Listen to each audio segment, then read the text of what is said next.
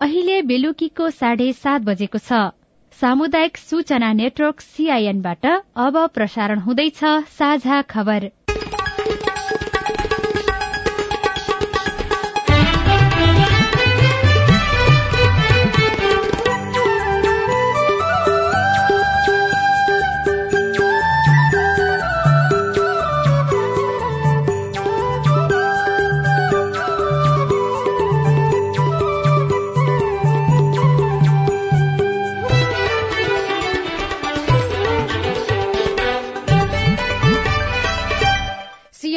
साझा खबरबाट सोभिता रिसालको नमस्कार। साझा खबर देशभरिका सामुदायिक रेडियो सीआईएन खबर डट कम सीआईएनको फेसबुक पेज र मोबाइल एप सीआईएनबाट पनि सुन्न सकिन्छ।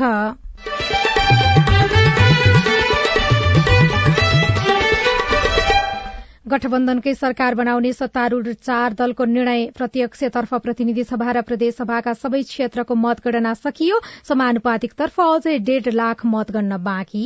समानुपातिक निर्वाचन प्रणालीतर्फको एक सय पैँसठीवटै निर्वाचन क्षेत्रबाट दलले पाएको मत सबै आइसकेपछि अनि तीन प्रतिशत थ्रेसोल्ड कटाउने दलहरूको मात्र तालिकामा राखिन्छ। महाकाली नदीमा भारतले बनाउँदै गरेको बाँध निर्माण तत्काल रोक्ने सहमति देशभर पैंतालिस प्रतिशत माटो खेती गर्न योग्य प्रांगारिक खेती प्रणालीमा जोड़ दिन विज्ञको आग्रह। र यो कुरालाई ख्याल गरेर सुरुमा चाहिँ सन्तुलित मलको प्रयोगतिर ध्यान दिने र रासायनिक मलहरू चाहिँ प्रयोग गर्दा चाहिँ तिनीहरूको चाहिँ इफिसियन्सी बढाउने तरिकाले प्रयोग गर्ने। जुम्लाको रारा गाउँमा पानीको अभाव जनप्रतिनिधिले पनि पहल नगरेको नागरिकको गुनासो अनलाइनबाट हुने हिंसा बढ़दै लैंगिक हिंसा पनि घटेन। के छ तिम्रो जन्मिँदाखेरि के लिएर आएको छ भनेर चाहिँ लट्ठीहरूले घोच्ने जबरजस्ती कुट्ने निलडाम बनाउने त्यस्तो चरम सीमा नै छ कि त्यो हिंसाको? र उन्नाइस वर्ष मुनिको राष्ट्रिय क्रिकेटको उपाधि सुदूरपश्चिम प्रदेशलाई विश्वकप फुटबलमा आज जापान र क्रोएसिया तथा ब्राजिल र दक्षिण कोरिया खेल्दै।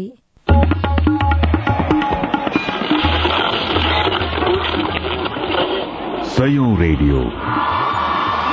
हजारौं रेडियो कर्मी र करोड़ौं नेपालीको माझमा यो हो सामुदायिक सूचना नेटवर्क सीआईएन चुनावको अन्तिम परिणाम आएसँगै अब दलहरू सरकार गठनको तयारीमा लागेका छन्। निर्वाचनबाट प्रत्यक्षतर्फ महिला तथा अरू समावेशी समुदायका उम्मेद्वार थोरैले मात्रै जितेका छन्। अब प्रदेशमा होस् वा संघमा सरकार बनाउँदा समावेशितालाई ध्यान दिनुपर्छ। सरकारमा योग्य महिला दलित आदिवासी तथा पछाडि पारिएका समुदायका व्यक्तिको प्रतिनिधित्व गर्ने कुरालाई प्राथमिकतामा राख्नुपर्छ। अब खबर अविनाश आचार्यबाट। सत्तारूढ़ गठबन्धनका चार दलले प्रतिनिधि सभा र प्रदेशसभा निर्वाचनले गठबन्धनको आवश्यकता र सान्दर्भिकता पुष्टि गरेको निष्कर्ष निकाल्दै गठबन्धनलाई निरन्तरता दिने निर्णय गरेका छन्। आज प्रधानमन्त्रीको सरकारी निवास बालुवाटारमा बसेको नेपाली कांग्रेस नेकपा माओवादी केन्द्र नेकपा एकीकृत समाजवादी र राष्ट्रिय जनमोर्चाको बैठकले गठबन्धनको सान्दर्भिकता पुष्टि भएको निष्कर्ष निकालेको हो।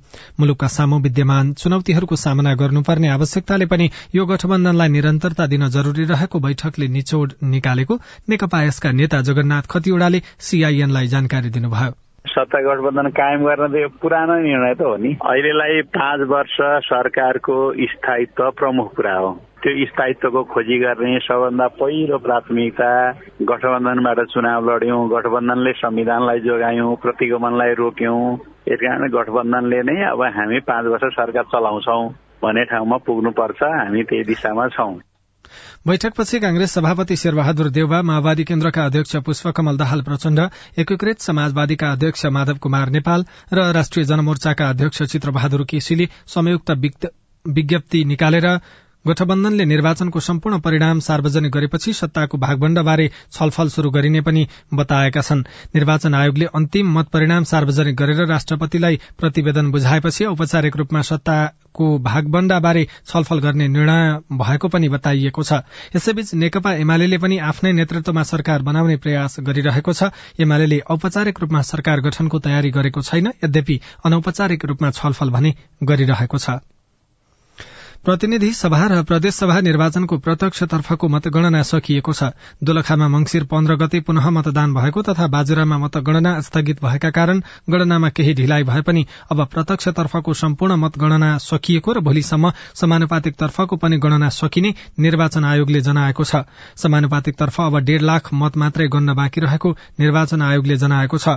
कुल खसेको एक करोड़ चार लाख सत्तालिस हजार चार सय उनापचास मत मध्ये अब एक लाख पचास हजार मात्रै मतगणना बाँकी रहेको हो।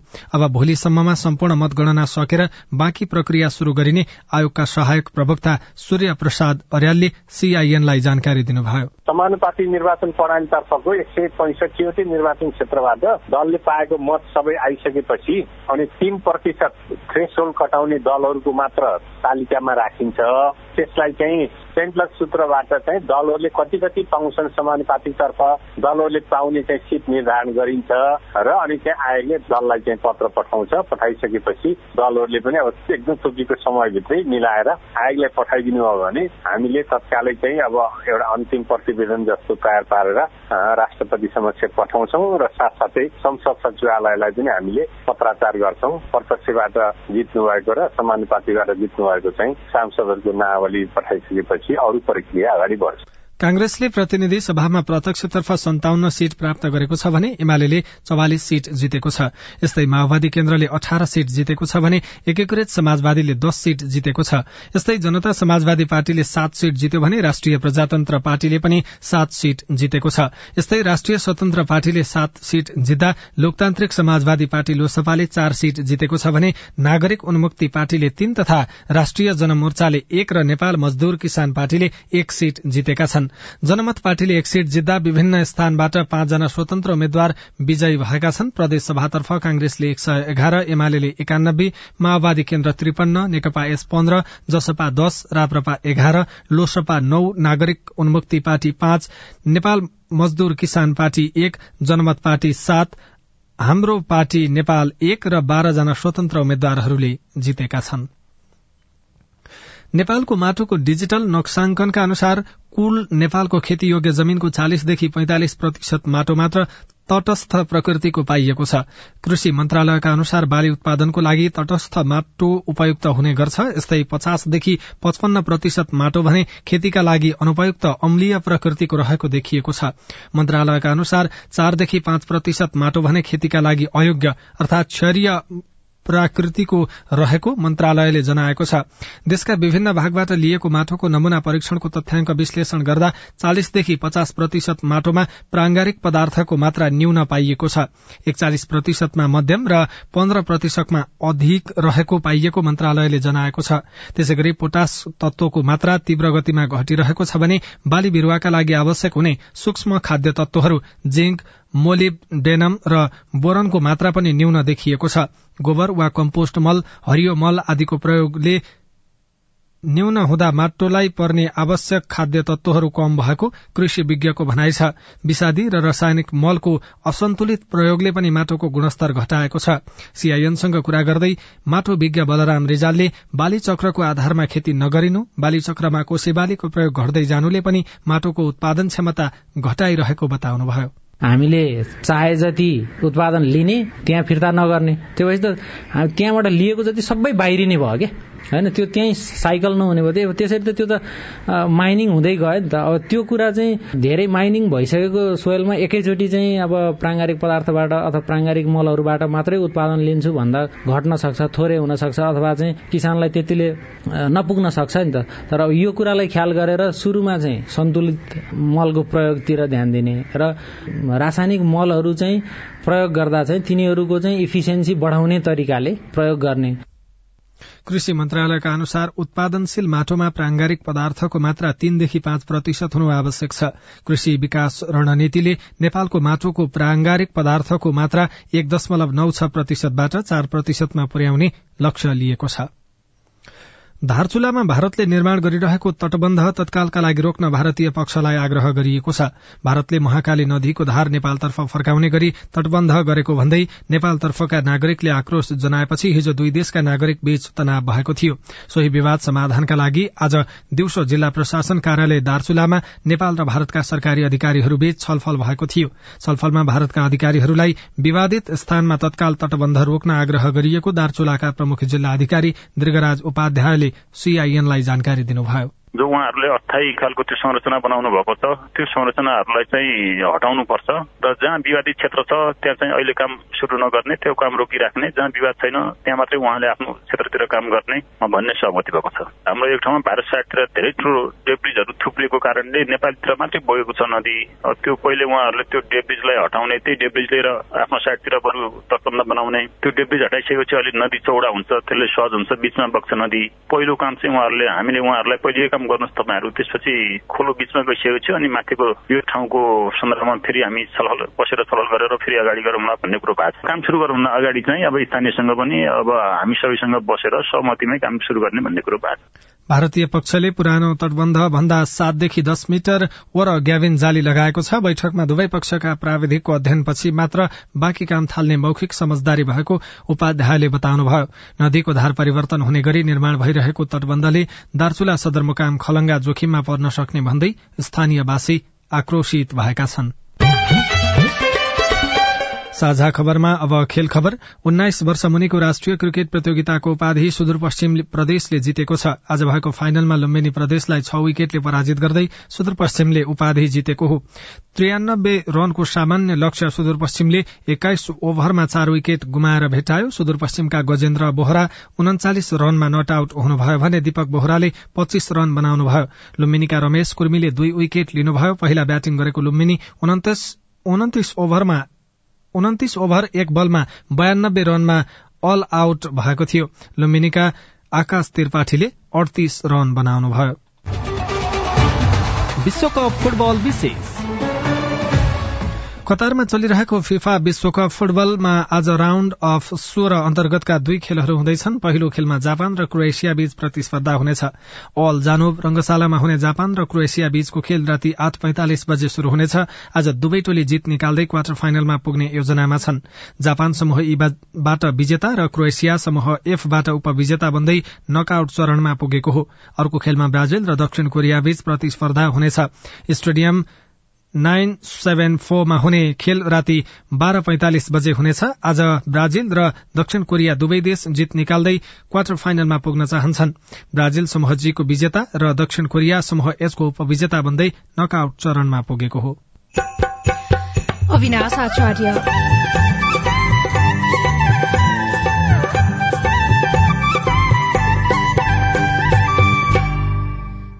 जुम्लाको रारा गाउँ प्राकृतिक हिसाबले सुन्दर तर छैन पिउने पानी। अहिले एक त जंगल नासिनाले खडेरी लाग्नाले र त्यो पानीको मूल दिनानुदिन घट्दै गएको र यहाँ जनसङ्ख्या बढ्दै गएको हुँदा पानीको त अति नै समस्या छ भने हुन्छ। पानीको अभावले महिलाहरूलाई झन समस्या। रिपोर्ट इन्टरनेटको पहुँच बढ़्यो। अनलाइनबाट हुने हिंसा पनि बढ़दै महिला हिंसा पनि रोकिएन। लगायतका सामग्री बाँकी नै छन्। सीआईएनको साझा खबर सुन्दै गर्नुहोला। बीएससी फरेस्टीमा भर्ना फारम भर्ने म्याद बढ़ाइएको सूचना। देशको एकमात्र प्राविधिक कृषि तथा वन विज्ञान विश्वविद्यालय वन विज्ञान संकाय अन्तर्गत बीएससी फरेस्टीमा विद्यार्थी भर्ना फारम दुई हजार उनासी मक्सिर एघार गते राति बाह्र बजेसम्म अनलाइन खुल्ला गरिएकोमा दुई हजार उनासी पौष तीन गते राति बाह्र बजेसम्म म्याद थप गरिएको छ। प्रवेश परीक्षा दुई हजार उनासी पौष नौ गते बिहान एघार बजे शुरू हुनेछ। थप जानकारीका लागि W W W dot entrance dot A F U dot E D U dot एनपीमा हेर्न सकिनेछ। सम्पर्क फोन नम्बर शून्य सन्ताउन्न पाँच तेइस दुई सय अडचालिस। सामाजिक रूपान्तरणका लागि यो हो सामुदायिक सूचना नेटवर्क सीआईएन तपाई सामुदायिक सूचना नेटवर्क सीआईएनले तयार पारेको साझा खबर सुन्दै हुनुहुन्छ। मनाङबाट प्रदेशसभामा स्वतन्त्रबाट निर्वाचित सांसद राजीव गुरूङ दीपक मनागे नेकपा एकीकृत समाजवादीमा प्रवेश गर्नु भएको छ। नेकपा यसका अध्यक्ष माधव कुमार नेपालले मनाङेलाई पार्टी प्रवेश गराउनु भएको हो। गुरूङले निकालेको विज्ञप्तिमा आफ्नो उद्देश्य एकीकृत समाजवादीको नीति सिद्धान्त र विचारमा मेल खाएकाले एकीकृत समाजवादीमा प्रवेश गरेको बताउनु भएको छ। अघिल्लो कार्यकालमा पनि स्वतन्त्र सांसद रहनुभएका मनाङे गण्डकी प्रदेशमा दुई पटक मन्त्री बन्नुभएको थियो। जुम्लाका विशाल बस्ती मध्येको एक हो रारा गाउँ जुन तिला गाउँपालिकाको एक नम्बर ओडामा छ। प्राय माटोका छत भएका घर लस्करै जोडिएका भाडाहरू कमेरो र रातो माटोले पोतिएका भित्ताले रारा गाउँलाई सुन्दर देखाइरहेका छन्। प्राकृतिक सुन्दरताले भरिपूर्ण यो गाउँमा पिउने पानीको भने निकै अभाव छ।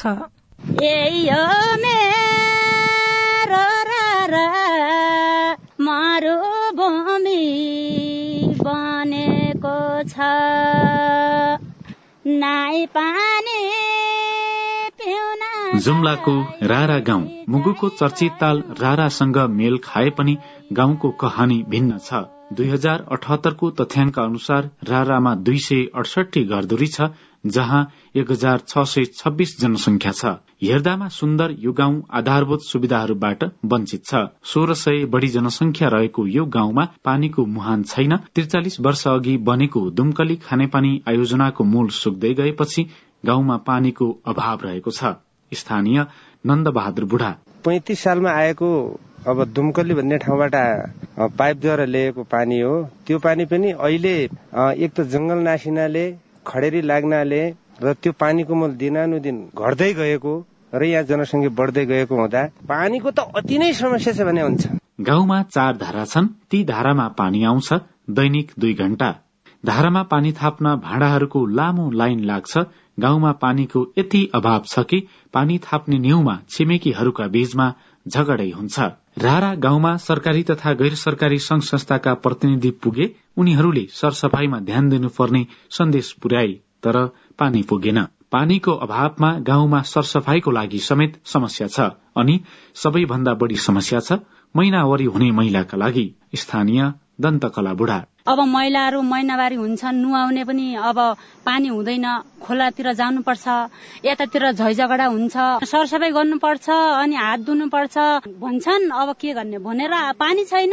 पानी भइदिएको भए हामी सरसफाइ गर्दा हामी कहाँ मुख धुनु न त खाने पानी पनि पुग्दैन। रारा गाउँ वरिपरि पर्याप्त जमिन छ। उर्वर भूमि पानीको अभावले मरूभूमि सरह बनेको छ। घर वरिपरिका करेसाबारी बाँझो छन् प्रशस्त जमिन भएको स्थानमा पनि आयातित तरकारी र खाद्यान्न खानुपर्ने बाध्यता छ। हुन्थ्यो। पानी छैन तल नदीको पानी बोकेर यहाँ तरकारी गर्न नसकिने धारा स्थिति त्यही छ। हाल गाउँमा दुमकली खानेपानी आयोजनाबाट ल्याइएको पानी वितरण भइरहेको छ तर पानी अपर्याप्त छ। गाउँमा पानीको नयाँ योजना बनाइदिने गाउँले पटक पटक माग गरे। गाउँमा पानीको नयाँ योजना बनाइदिन गाउँले पटक पटक माग गरे। हरेक चुनावमा यो विषय एजेण्डा बन्यो। अब भने आयोजना नै शुरू गरेको जनप्रतिनिधिको दावी रहेको छ। तिला गाउँपालिका एकका उडाध्यक्ष जंग बहादुर बस्नेत हाम्रो चाहिँ तपाईँको संघीय खानेपानीको हाम्रो खानेपानी छ। त्यो खानेपानी तिनवटा मोहन चेन्ज भयो फेरि अहिले अब एउटा मोहन अर्को गरेका छौँ। अब अब खानेपानी ल्याउने भन्ने भएको छ। स्थानीय सरकारमा जनप्रतिनिधि आएको छ वर्षसम्म भयो। प्रदेश संघ र स्थानीय सरकार कसैले पनि आफ्नो गाउँको लागि पिउने पानीको व्यवस्था गरिदिन नसकेको भन्दै नागरिकले गुनासो गरेका छन्। मान बहादुर कुंवर सीआईएन रेडियो खुल्ला आकाश जुम्ला।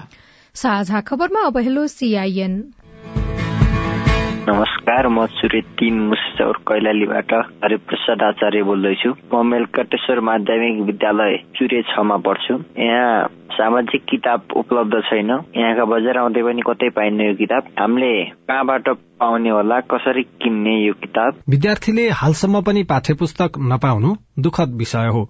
यसबारे हामीले जनक शिक्षा सामग्री केन्द्र लिमिटेडका निर्देशक अनिल कुमार झालाई सोधेका थियौं। त्यो हाम्रो धनगढीमा कार्यालय छ। त्यो प्रादेशिक कार्यालयमा जाँदा हुन्छ कति चाहिँ के चाहिएको छ?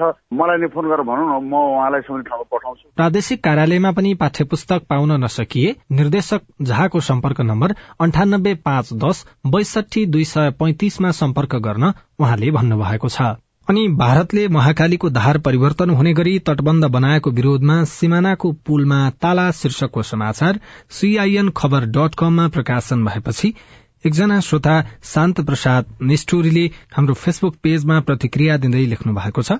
अनि झोलुङ्गे पुलमा ताला लगाएर भारतले सुन्छ त समाधान हुन्छ तटबन्ध बनाउन रोक्छ। अनि अर्का श्रोता राजीव कुमार शर्माले प्रतिक्रिया दिनुहुन्छ आफ्नो घरमा झगडा हुँदा अरूले फाइदा उठाउँछन्। म थाहा देउखेलबाट भरत कार्की बोल्दैछु। हाम्रो देउखेलको लगभग सय घरधुरीबाट चाहिँ मल पनि अहिलेसम्म उपलब्ध भएको छैन। उनासी सालमा पनि मकैमा मल हाल्न पाइएन। एक बोरा बराबर तिन हजार रुपियाँ तिर्दा पनि पर्याप्त छैन। यहाँको जिम्मा चाहिँ कसले दिनु भएको हो? कसरी सहज हुन्छ? हुने भए कहिले हुन्छ कसरी हुन्छ र नहुने भए हामीले मलै नपाउने हो कि? यसको जवाब चाहिँ हामीले कहाँबाट र कहिले कसरी पाउन सकिन्छ? कृषि मन्त्रालयले हालै रासायनिक मल मौजदात रहेको विवरण सार्वजनिक गरेको थियो तर किसानले मल किन पाउन सकिरहेका छैनन् भनेर हामीले मन्त्रालयका प्रवक्ता प्रकाश कुमार सञ्जेललाई सोधेका छौं।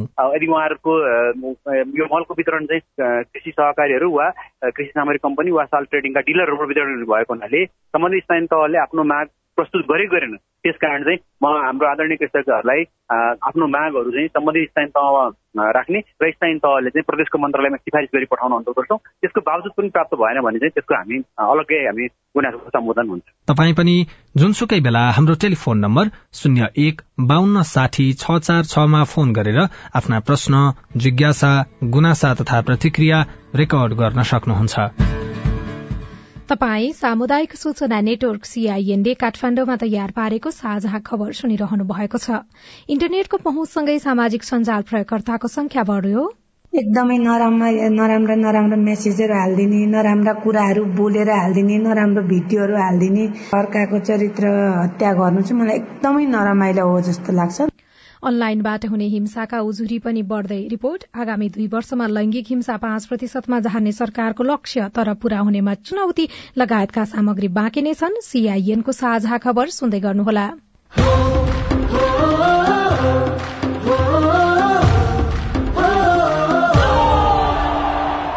फुटबलको चार चार वर्षमा आउँछ यस्तो यो बेग। देशहरू अनेक छन् सबको टिम फरक हरेक टिमले यहाँ खेल्छ अब कडक बत्तिसवटा देशका बत्तिसवटा टिम सबैको एउटै विजय हुने ड्रिम विश्वकप त हल्का मचाउँदै चारैतिर खैला पहिला कसको टिमले दामी खेल्छ कसले गोल हान्छ पहिला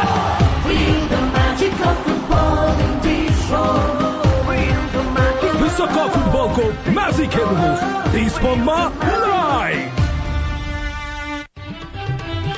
तपाईँले सीआईएनको साझा खबरका मुख्य शीर्षकहरू नेपाल टेलिकमको सिम भएको मोबाइल नम्बरबाट पटक पटक जुनसुकै बेला निशुल्क सुन्न सक्नुहुन्छ। तीन दुई एक शून्य शून्य डायल गर्नुहोस् र दैनिक समाचार स्वास्थ्य कोविड उन्नाइस कृषि मौसम प्रकोप र अधिकारका बारेमा पनि निशुल्क सुन्नुहोस्। तीन दुई एक शून्य शून्य सूचनाको संचार सामाजिक रूपान्तरणका लागि यो हो सामुदायिक सूचना नेटवर्क सीआईएन तपाई सामुदायिक सूचना नेटवर्क सीआईएनले काठमाण्डुमा तयार पारेको साझा खबर सुन्दै हुनुहुन्छ। आगामी दुई वर्षमा लैंगिक हिंसा पाँच प्रतिशतमा झार्ने सरकारको लक्ष्य छ तर भर्खरै भएको एउटा अध्ययनले भन्छ न्याय नपाइने जोखिमले अझै पनि नेपालमा छैसठी प्रतिशत महिला हिंसा सहेरै बस्न बाध्य छन् अनि लैंगिक हिंसा हुने मध्ये झण्डै अस्सी प्रतिशत घरेलु हिंसा हुने गरेको छ। हिंसाको सुनवाई हुने र न्याय पाइने कुरामा विश्वास नभएका कारण धेरैले हिंसा सहेरै बस्ने गरेको पाइन्छ। तिम्रो जन्मिँदाखेरि के लिएर आएको छ भनेर चाहिँ लट्ठीहरूले घोच्ने जबरजस्ती कुट्ने निलडाम बनाउने त्यस्तो चरम सीमा नै छ कि त्यो हिंसाको? यौनिक तथा लैंगिक अल्पसंख्यक समुदायका रुबिना तामाङ आफ्ना समुदायका व्यक्तिमाथि पहिचानकै आधारमा हुने विभेद बढ़दै गएकोमा चिन्तित हुनुहुन्छ। नीलहेरा समाजको तथ्याङ्क अनुसार अहिले पनि नौ सय भन्दा बढ़ी हिंसाका उजुरी विभिन्न सरकारी निकायमा थन्किएको छ। तर हिंसाको सुनवाई भने समयमा हुने गरेको छैन। अब त्यतिखेर दस वर्ष पहिलाको केस अहिले आएर उहाँहरूले कल गर्नुहुन्छ। अब त्यो भिक्टिम नै कहाँ पुगिसक्छ? आफूलाई गाह्रो नभइकन कोही पनि त्यो उजुरी गर्न जाँदैन होइन? त्यो उजुरी गर्नलाई एकदम अन्तिम अवस्थामा पुगिसकेको भएर नै जाने हो। दैनिक जसो श्रीमानले गर्ने हिंसा सहन नसकेपछि सिराहाका बेचनी यादव उजुरी लिएर न्यायिक समितिदेखि प्रहरी प्रशासनसम्म पुग्नुभयो। तर न्याय पाए आएको अनुभव गर्न सक्नु भएन। सहदा सहदै सहदा सहदै धेरै सय घरमा बसेर। तब सहन सकिएन तब मैले चाहिँ पुलिसलाई फोन गर्दाखेरि नि खोइ आएन। फेरि दोस्रो दिन फोन गरे तै पनि आएन। वाडामा गए। वाडावालाले के भन्यो? ल ल ठिकै छ म सम्झाइदिन्छु। कसले सम्झाउँछ र फेरि जस्ताको त्यस्तै गर्न थाल्यो। महिला पुनस्थापना केन्द्रमा मात्रै एक वर्षमा एक हजार आठ सय तेह्र लैंगिक हिंसाका उजुरी दर्ता भएको छ जसमा महिलामाथि हुने घरेलु हिंसा सबैभन्दा बढ़ी छैसठी प्रतिशत रहेको छ। अनौपचारिक क्षेत्र सेवा केन्द्र इन्सेकले पछिल्लो दश वर्षमा अभिलेख गरेका लैंगिक हिंसा मध्ये उनपचास प्रतिशत महिला अधिकार उल्लंघनसँग सम्बन्धित रहेका छन्। यस वर्ष इन्सेकले अभिलेख गरेका मानव अधिकार उल्लंघनका घटना मध्ये साठी प्रतिशत घटना महिला हिंसाका छन्। यसले नेपालमा लैंगिक हिंसा वार्षिक रूपमा बढ़दै गएको देखाउँछ। राष्ट्रिय महिला आयोगको तथ्याङ्कमा पनि लैंगिक हिंसाका घटना बढ़दै गएको छ। आयोगका प्रवक्ता समिला भट्टराई। केन्द्रमा मात्र महिला आयोग छ राष्ट्रिय महिला आयोग। सातै प्रदेशमा राष्ट्रिय महिला आयोग हुनुपर्छ। सतहत्तरै जिल्लामा महिला आयोगका कार्यालयहरू भइदियो भने चाहिँ हिंसा पीड़ितले केन्द्रमा मात्र आउनुपर्ने दुःख हुँदैन थियो। उहाँहरूका गुनासो तत्त निकायमा सुनाइ हुन्थे। इन्सेको लैंगिक हिंसाको विश्लेषणात्मक अध्ययन प्रतिवेदनले लैंगिक हिंसामा परेका बाइस प्रतिशत महिलाले मात्रै सहयोग लिन तत्परता देखाउने गरेका छन् भने छैसठी प्रतिशत महिलाले कसैलाई नभनी हिंसा सहेर बसेको देखिन्छ। न्यायको सरल पहुँच नहुनु तथा न्याय प्रक्रिया नै लामो हुनुले पनि महिलाहरू हिंसा विरूद्ध बोल्नुभन्दा सहेर बस्ने गरेका छन्। मानव अधिकार आयोगका मानव अधिकार अधिकृत कल्पना आचार्य। कतिपय उजुरीहरू आउनै पाउँदैन जस्तै गाउँमै मिलापत्र गरिदिने गाउँको समूह हुने रहेछ के त्यो? भित्रै मिलापत्र गराउने बाहिर चाहिँ ल्याउनै नदिने। जो पीड़क छ पीड़कलाई पनि प्रोटेक्ट गर्ने के?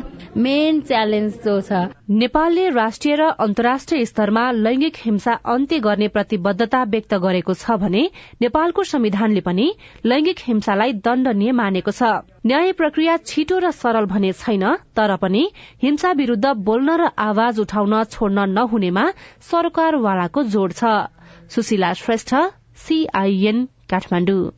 इन्टरनेटको पहुँच बढ़ेसँगै विभिन्न सामाजिक सञ्जाल प्रयोगकर्ताको संख्या पनि बढ़िरहेको छ। साक्षर वा निरक्षर दुवै थरीका नागरिक सामाजिक सञ्जालमा आकर्षित हुँदै गर्दा प्रहरी प्रशासनमा भने अनलाइनबाट हुने हिंसाका उजुरी तथा घटना बढ़ेको छ। एक युवकले सामाजिक सञ्जालमा आफ्नो तस्विर जथाभावी राख्न थालेपछि खोटाङका एक युवती एक महिनादेखि तनावमा हुनुहुन्छ।